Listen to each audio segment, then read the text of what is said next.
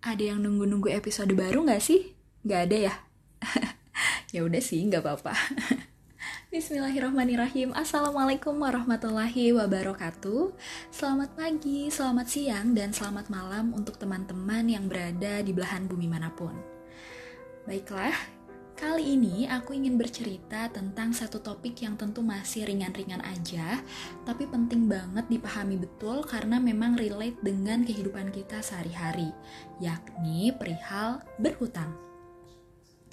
Um, aku nggak tahu sih, adakah di antara teman-teman pendengar yang sama sekali selama hidupnya belum pernah ngutang, bahkan mungkin untuk sekedar ngutang yang hal-hal remeh gitu. Kayak misalnya waktu kita SD dulu mupeng atau pengen banget beli cilok gulali sampai mie instan yang direbus dan disajikannya tuh pakai bungkus-bungkusnya gitu. Tau gak sih kalian? Nah, saking pengennya kita untuk makan jajanan-jajanan itu tapi nggak punya duit, akhirnya kita biasanya melancarkan perubahan ekspresi jadi setengah memelas sambil merendahkan suara seraya berbisik eh gue pinjam uang lo dulu dong. Besok gue ganti deh. Lapar nih. Ya gak sih? Ada yang ngerasa dulu gitu nggak? Kalau ada yang ngerasa pasti udah senyum-senyum sendiri sih ini. Entah karena dia yang pernah ngutang atau dia yang sering jadi sasaran diutangin. Um, belum lagi di umur kita sekarang ya aku asumsikan para pendengar ini usianya 20-an tahun lah ya yang mayoritas masih kuliah atau baru bekerja, fenomena utang piutang ini juga masih barak, ba, marak banget terjadi di sekitar kita. Atau bahkan memang kita sendiri nih yang masih melakukannya. Nah, sebenarnya gimana sih Islam memandang aktivitas utang piutang ini? Kok kenapa ya rasa-rasanya selalu ada salah satu pihak yang merasa dirugikan, khususnya si pemberi utang? Um, jadi inget sih satu curhatan temanku dulu. Dia pernah bilang gini, ya ampun no, dasar masih Fulan minjem duitnya gede, terus kalau minjem maksa banget. Belum lagi pas ditagih dia kayak bisa jadi pura-pura amnesia gitu, bahkan kayak balik ngegalakin kita. Dan galaknya tuh ya kalau boleh hiperbola dikit kayak lebih-lebih parah daripada preman pasar yang suka diceritain di sinetron-sinetron. Dan aku ngakak abis sih denger cerita ini. Dan ini bukan cerita dari satu dua orang aja tapi banyak. Oke mari kita bedah satu-satu. Pertama dari sisi hukumnya Hmm, ini juga pertanyaan yang udah sering banget aku tanyain ke adik-adik SMP dan juga SMA. Ketika dulu kuliah, aku masih sering visit ke sekolah-sekolah bareng komunitasku yang bergerak di bidang literasi ekonomi syariah. Biasanya aku nanya gini, adik-adik, apa sih hukumnya berutang dalam Islam?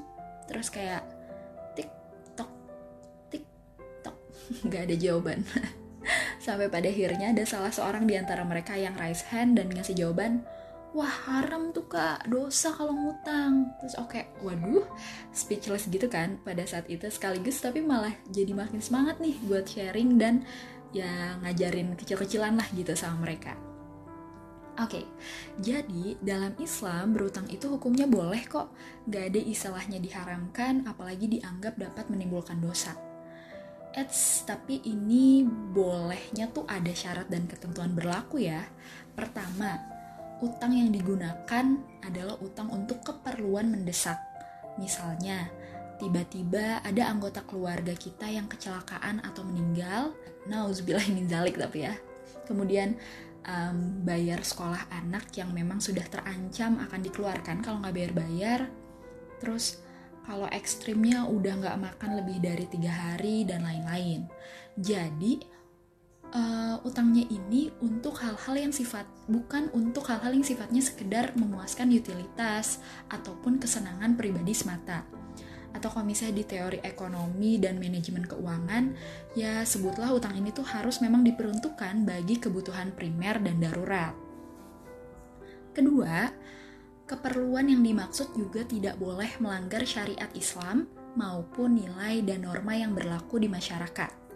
Misalnya, hmm, no, gue pinjam uang dong, pengen mabok nih, dikit-dikit aja, biar sekalian aja, kayak gitu. Ini aku agak ekstrim ya contohnya. Atau apalagi ya um, no gue pinjam uang dong pengen beli petasan nih pengen ngisengin rumah Pak RT pengen gue lempar deh ke rumahnya gitu misalnya ya nah kalau kita lihat pertama tadi bir atau homer itu kan dalam agama saja sudah diharamkan atau yang kedua, menciptakan kerusuhan di rumah Pak RT, artinya kan kita sudah ada niatan untuk merugikan orang lain. Nah, ini tuh merupakan contoh perbuatan yang sia-sia. Jadi, sia-sia di sini melanggar syariat Islam iya, melanggar nilai dan norma di masyarakat juga iya gitu. Jadi jangan sampai uh, utang ini tuh nggak penting gitu buat peruntukan yang tidak tidak faedah lah bahasanya. Oke. Okay. Nah sekarang apa sih hukumnya berhutang bagi si pem eh hukum bagi si pemberi utang itu sendiri? Kalau tadi kan hukum bagi yang berhutang ya. Nah jawabannya adalah wajib bagi mereka yang memang memiliki kelebihan harta. Artinya kita bisa lihat nih dari indikasi apakah cash flow kita memang sudah aman dan sehat, artinya tidak ada pengeluaran besar yang jadi tanggungan pada waktu tersebut. Kemudian juga ya pokoknya kita juga nggak lagi dalam keadaan kesulitan ekonomi gitu terlebih juga kalau kita sadari memberikan pinjaman kepada teman, sanak, saudara sejatinya juga merupakan contoh konkret dari perilaku ta'awun alias tolong menolong yang diajar, diajarkan dalam Islam. Nah ini sebenarnya nanti balik lagi sih sesuai penjelasan di podcast sebelumnya bahwa sejatinya harta yang kita miliki ini hanya titipan yang kepemilikan absolutnya tuh balik lagi kepada Allah. Jadi ya jangan pelit-pelit lah. Terakhir, terus gimana sih cara menghindari konflik dari aktivitas utang piutang? Ibaratnya tuh biar sama-sama enak ya. Nah di sini aku menyebutkan ada tiga. Yang pertama, merujuk pada salah satu ayat terpanjang dalam Al-Quran yakni Al-Baqarah 282 di sana dijelaskan bahwa apabila kamu bermuamalah tidak secara tunai untuk waktu yang ditentukan hendaklah kamu menuliskannya. Nah, bermuamalah tidak secara tunai di sini juga kan umum banget gitu ya. Contoh ya kredit rumah, kendaraan, pokoknya segala hal bentuk transaksi yang memang pembayarannya tuh ditangguhkan. Jadi ada baiknya mending ditulis deh Itulah kenapa ada nota serah terima dan lain-lain. Meskipun itu hanya 100 sampai 200 ribu, ya nggak apa-apa gitu. Teman-teman inisiatif aja untuk bikin catatan sendiri, terus dikasih tahu nih ke teman kalian yang yang minjem utang gitu. Eh gue catet ya, biar sama-sama nggak lupa gitu. Termasuk ada baiknya saling menyepakati setidaknya teman-teman tuh punya gambaran si fulan ini tuh punya niat untuk mengembalikan uangnya kapan ya? Apakah minggu depan, bulan depan, dan seterusnya. Yang kedua, pemberi pinjaman sebagai surplus side juga harus mengindahkan untuk memberikan keringanan atas eh keringanan atau penangguhan penangguhan waktu kalau memang yang berutang ini ketika ditagi di waktu yang sebetulnya sudah disepakati ternyata belum bisa bayar juga. As long as memang dia punya alasan yang jelas dan juga logik. Nah, kalau ini landasannya adalah Quran Surat Al-Baqarah 280. Nanti bisa teman-teman cek ya. Dan ini sebenarnya sudah menjadi praktik yang lazim juga ditemukan di perbankan syariah atau kita sebutnya ya rescheduling gitu. Dan yang ketiga, tidak mengambil keuntungan atau manfaat dari orang yang berutang. Maksudnya di sini riba. Hmm, contoh, yaudah deh, nih gue pinjemin satu juta kalau lo maksa tapi gue gak mau tahu ya, bulan depan lo harus gantiin 1,2 juta. Deal gak nih? Lo yang butuh, kalau gak mau sih gak apa-apa gitu. Gila ya? Pernah denger yang kayak gini gak sih? Tapi kalau emang gak pernah ya alhamdulillah. Cuman sebenarnya model-model pemberi pinjaman yang kayak gini juga masih marak banget. Bahkan konteks keuntungan yang dimaksud di sini juga bukan hanya terbatas pada bentuk uang, melainkan jenis harta lainnya yang yang pen, yang penting memang mendatangkan manfaat bagi si pemberi utang.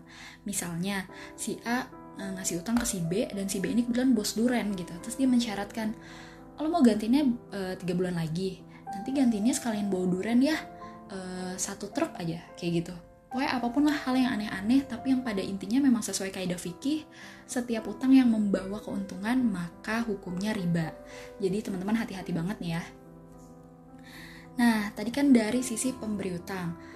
kalau dari sisi peminjam nih dari orang yang utang ada juga satu etika atau adab dasar yang diajarkan dalam Islam yakni berniat mengembalikan dengan yang lebih baik. Nah, diriwayatkan dalam salah satu hadis sahih Bukhari Muslim. Jadi dulu tuh Rasulullah Shallallahu Alaihi Wasallam pernah berutang juga kok pada seseorang seekor unta yang kecil. Tapi ketika mengembalikan, beliau memberikan unta yang jauh lebih besar atau lebih baik lah kalau kita lihat dari contoh ini, berarti Rasulullah tuh punya niatan yang mulia untuk mengganti utangnya dengan yang lebih baik dari apa yang dia dapatkan ketika dia minjam. Terus kalau misalnya teman-teman nanya, loh itu riba dong berarti? Kan jadi keuntungan buat yang ngasih utang. Nah ini hati-hati ya, dia nggak termasuk riba, mengapa? Karena tambahan manfaat yang diberikan oleh Rasulullah ini tidak disebutkan di awal atau menjadi prasyarat agar seseorang itu mau meminjamkan utangnya eh meminjamkan untanya maksudnya. Jadi ibaratnya tuh ini kayak inisiatif Rasulullah sendiri sebagai tanda syukur dan terima kasih karena telah dibantu. Ya ibaratnya kalau kita tahu diri lah gitu sebagai yang utang. gitu sih. Nah, jadi intinya tidak perlu terlalu antipati dengan berutang karena memang nggak haram gitu dalam Islam. Meskipun ya ada baiknya kalau memang bukan untuk kepentingan mendesak, yuk kita biasakan kalau kata pantun uh, bersusah-susah dahulu, bersenang-senang kemudian. Maksudnya nabung dulu, invest dulu, baru kalau nanti uangnya udah cukup, kita sikat mau beli apa pun yang kita mau secara tunai bin kontan. Atau kalau merujuk pada penjelasan Mbak Pita Hapsari Gozi, seorang financial advisor idolaku banget nih ya dalam bukunya yang berjudul Cantik gaya dan tetap kaya, dia menyebutkan bahwa kalau memang kita mepet banget nih harus berutang, pastikan utang itu adalah utang yang baik. Di mana ciri utang utang baik ini ialah utang yang menghasilkan suatu nilai tambah yang produktif dalam hidup kita. Contoh paling gampangnya ialah utang untuk modal usaha. Um, mungkin nanti lah ya di podcast podcast di podcast selanjutnya kita bisa cerita case berutang yang lebih variatif lagi Termasuk memang kita juga harus ingat nih, Islam tidak mengajarkan kita untuk israf atau berlebih-lebihan. Jadi kita harus tahu mana kebutuhan, mana keinginan, dan lain-lain. Eh, kayak seru juga sih nanti kalau misalnya bahas tentang gaya hidup minimalis kali ya. Saya kayak masih relevan gitu sih. Oke, okay. uh, eh, ya intinya sih gitu ya teman-teman. Karena ternyata sudah hampir 13 menit. Mudah-mudahan podcast ini ada manfaatnya. Menutup podcast ini, izinkanlah aku untuk menutup satu cuitan dari salah satu financial advisor favorit Retna lainnya di Instagram sih kalau ini, yaitu Kak Kanda Andika Diskartes yang berkata dalam satu postingannya, ingatlah bahwa saat meminjam berarti ada hak orang lain yang tertahan olehmu. Jangan menahannya terlalu lama. Usahakan bayar secepatnya bukankah kamu sering berbicara soal keadilan? Maka membayar utang tepat waktu adalah praktik keadilan yang senyatanya. Gitu. Mantep ya. Dan terakhir nih, terakhir banget. Kalau dari aku sih yang perlu diingat adalah sejatinya kita merupakan manajer terbaik atas harta kita sendiri. Maka pandai-pandailah bersyukur, merasa cukup dan cermat dalam mendayagunakan apa-apa yang telah kita miliki.